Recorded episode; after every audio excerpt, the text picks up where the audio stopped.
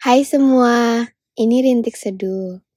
Sebelum saya mulai cerita hari ini, saya mau terima kasih dulu untuk semua telinga dan isi kepala yang sudah mau menerima podcast saya.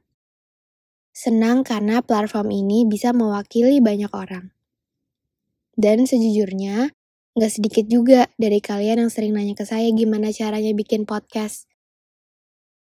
Ini sekedar sharing sih, kalau kamu salah satu dari yang memiliki passion atau ketertarikan untuk bikin podcast, kamu bisa banget coba untuk pakai Anchor. Karena dari awal sampai sekarang saya selalu pakai itu. Dimulai searching-searching dan ternyata yang paling mudah, nyaman, dan gak ribet buat saya itu Anchor. Anchor merupakan platform all-in-one dan gratis di mana kamu bisa merekam, menyimpan, mendistribusikan, mengukur performa, dan gak menutup kemungkinan untuk menemukan beberapa sponsor untuk podcast kamu. Jadi, buruan download Anchor dan buat podcast kamu sendiri. Karena dunia juga butuh dengar cerita kamu.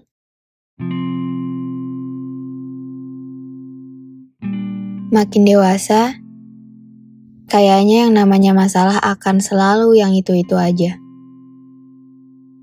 Bahkan saya jadi mikir kalau mungkin hidup cuma tentang sebuah buku yang gak pernah selesai. Tadinya saya kira hidup manusia tentang nulis buku satu, lalu ke buku berikutnya. Ternyata gak gitu.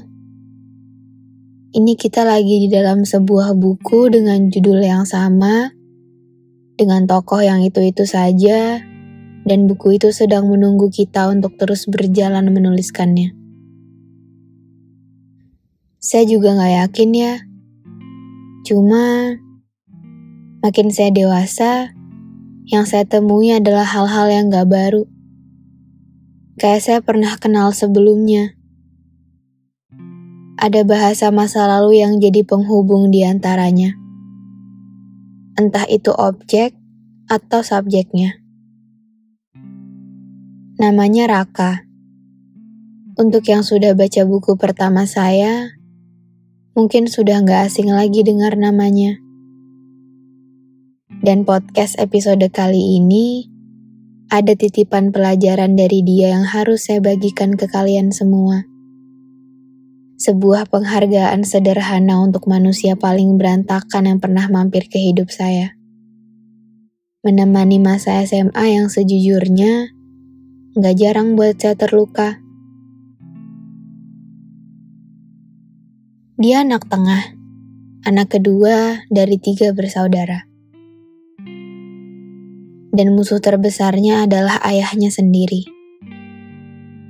Dulu tiap kali dia cerita di kelas, kayaknya cuma tentang sosok ayahnya yang menyeramkan. Dia orang paling keras yang saya temui sampai dia bilang ayahnya jauh lebih keras dari dia. Hidupnya gak mudah. Berulang kali kabur dari rumah. Ya, walau kita tahu yang namanya hidup memang gak ada yang mudah. Cuma selama tiga tahun kenal dia, selama itu pula saya tahu saya gak sendiri. Ada orang yang punya masalah jauh lebih pelik dari saya yang selalu nemenin saya ngeluh, yang selalu bilang, jangan jadi manusia sendirian, San, bareng-bareng. Sayangnya, setelah lulus SMA, saya kehilangan dia. Lebih tepatnya, kami saling pergi. Ada satu kekecewaan besar yang menghancurkan banyak mimpi yang saya kira umurnya panjang jarak jadi titik tengah. Kepulangan yang selalu saya hindari berujung jadi opsi. Kami lost contact. Sampai setahun setelahnya, saya ketemu dia lagi. Itu berarti sekitar dua atau tiga tahun yang lalu. Sebuah pertemuan gak sengaja dan bukan rencana saya. Hari itu di sebuah kereta menuju Semarang. Kebetulan dia diterima kuliah di sana.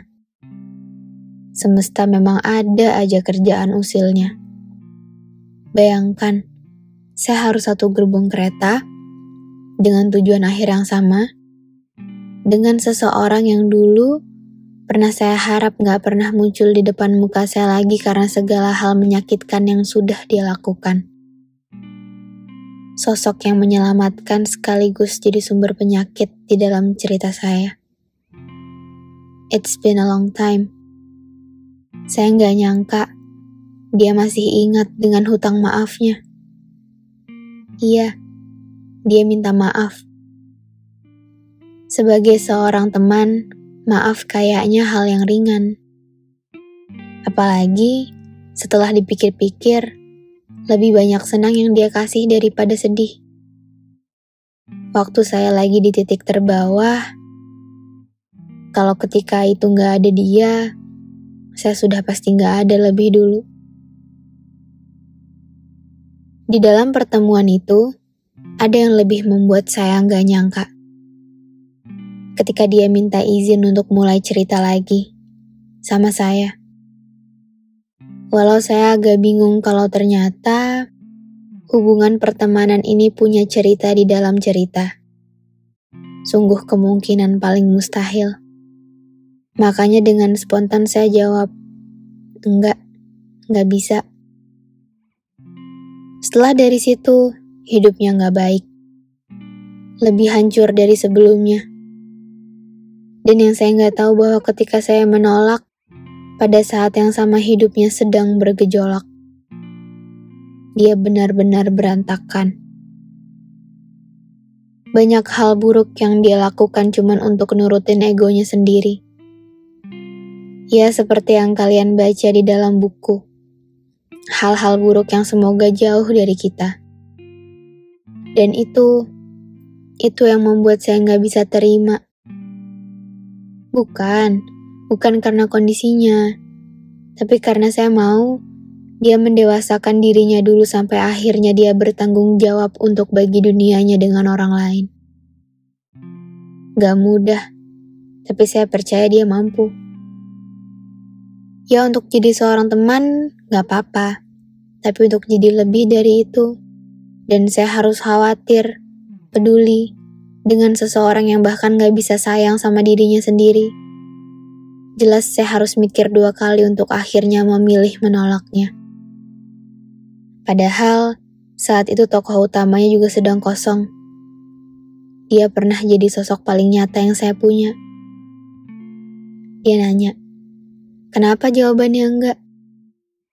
Ya mungkin karena bukan aku orangnya. It's just not me. Ada yang harus diselamatin, Kak. Terus dia nanya lagi. Kamu. Bukan. Diri kamu sendiri. Wajar kalau dia kesulitan untuk menerima maksud baik yang saya bungkus dengan penolakan. Sampai sekarang, saya terus mikir, kalau sebenarnya waktu itu saya bisa aja bilang iya. Tapi nggak saya lakukan karena saya ragu. Dan seperti yang pernah saya bilang, it's not love enough kalau saya masih harus mikir-mikir di tiap langkah yang saya hadapin.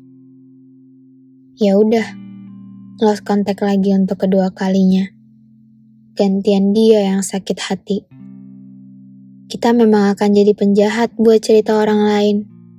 Kenyataannya, gak ada yang pernah benar-benar seimbang. Dari situ, dia ngeblok nomor telepon, sosial media, semua. Dan itu gak apa-apa. Wajar kalau dia marah. Egonya memang besar. Sejak awal kenal, waktu dia jadi siswa pindahan, jadi siswa bermasalah, saya memang selalu kalah kalau harus berhadapan sama dia.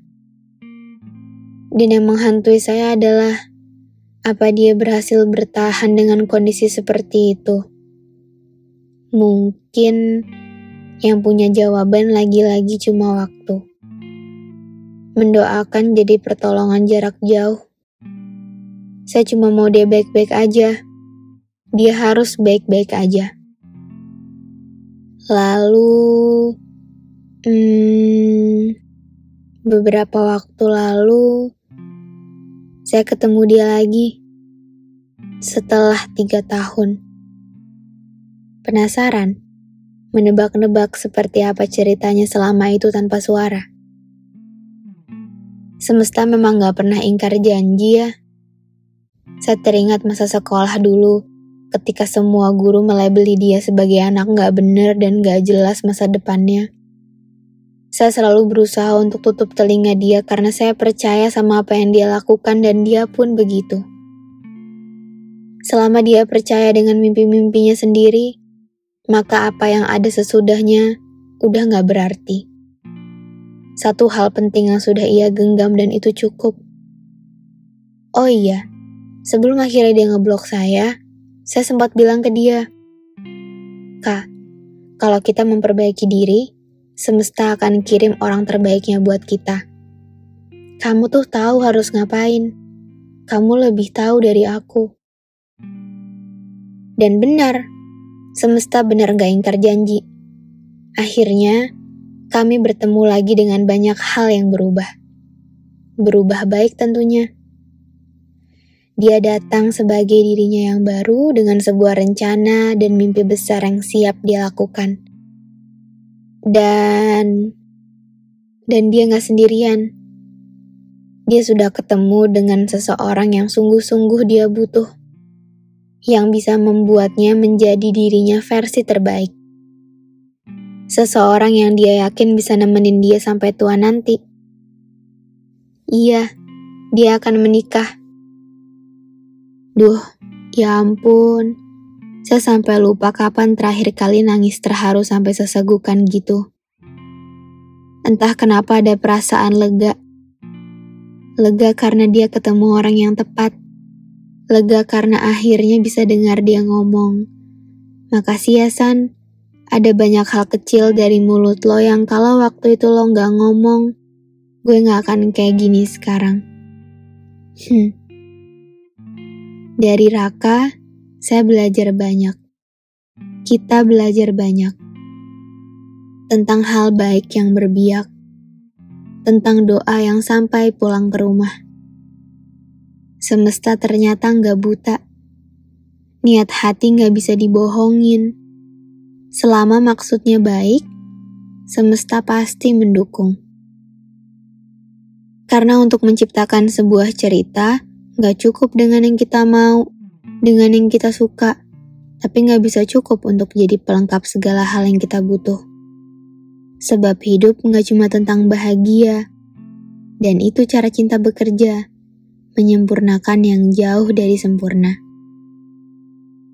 Mungkin benar ya, dalam hidup manusia, dalam hidup kita, ada beberapa hal yang sudah digariskan tanpa perlu repot-repot kita pusingkan. Tapi jadi terlintas saja dalam benak. Kalau ketika itu jawaban yang saya berikan ke dia adalah iya, mungkin dia nggak akan kayak gini sekarang.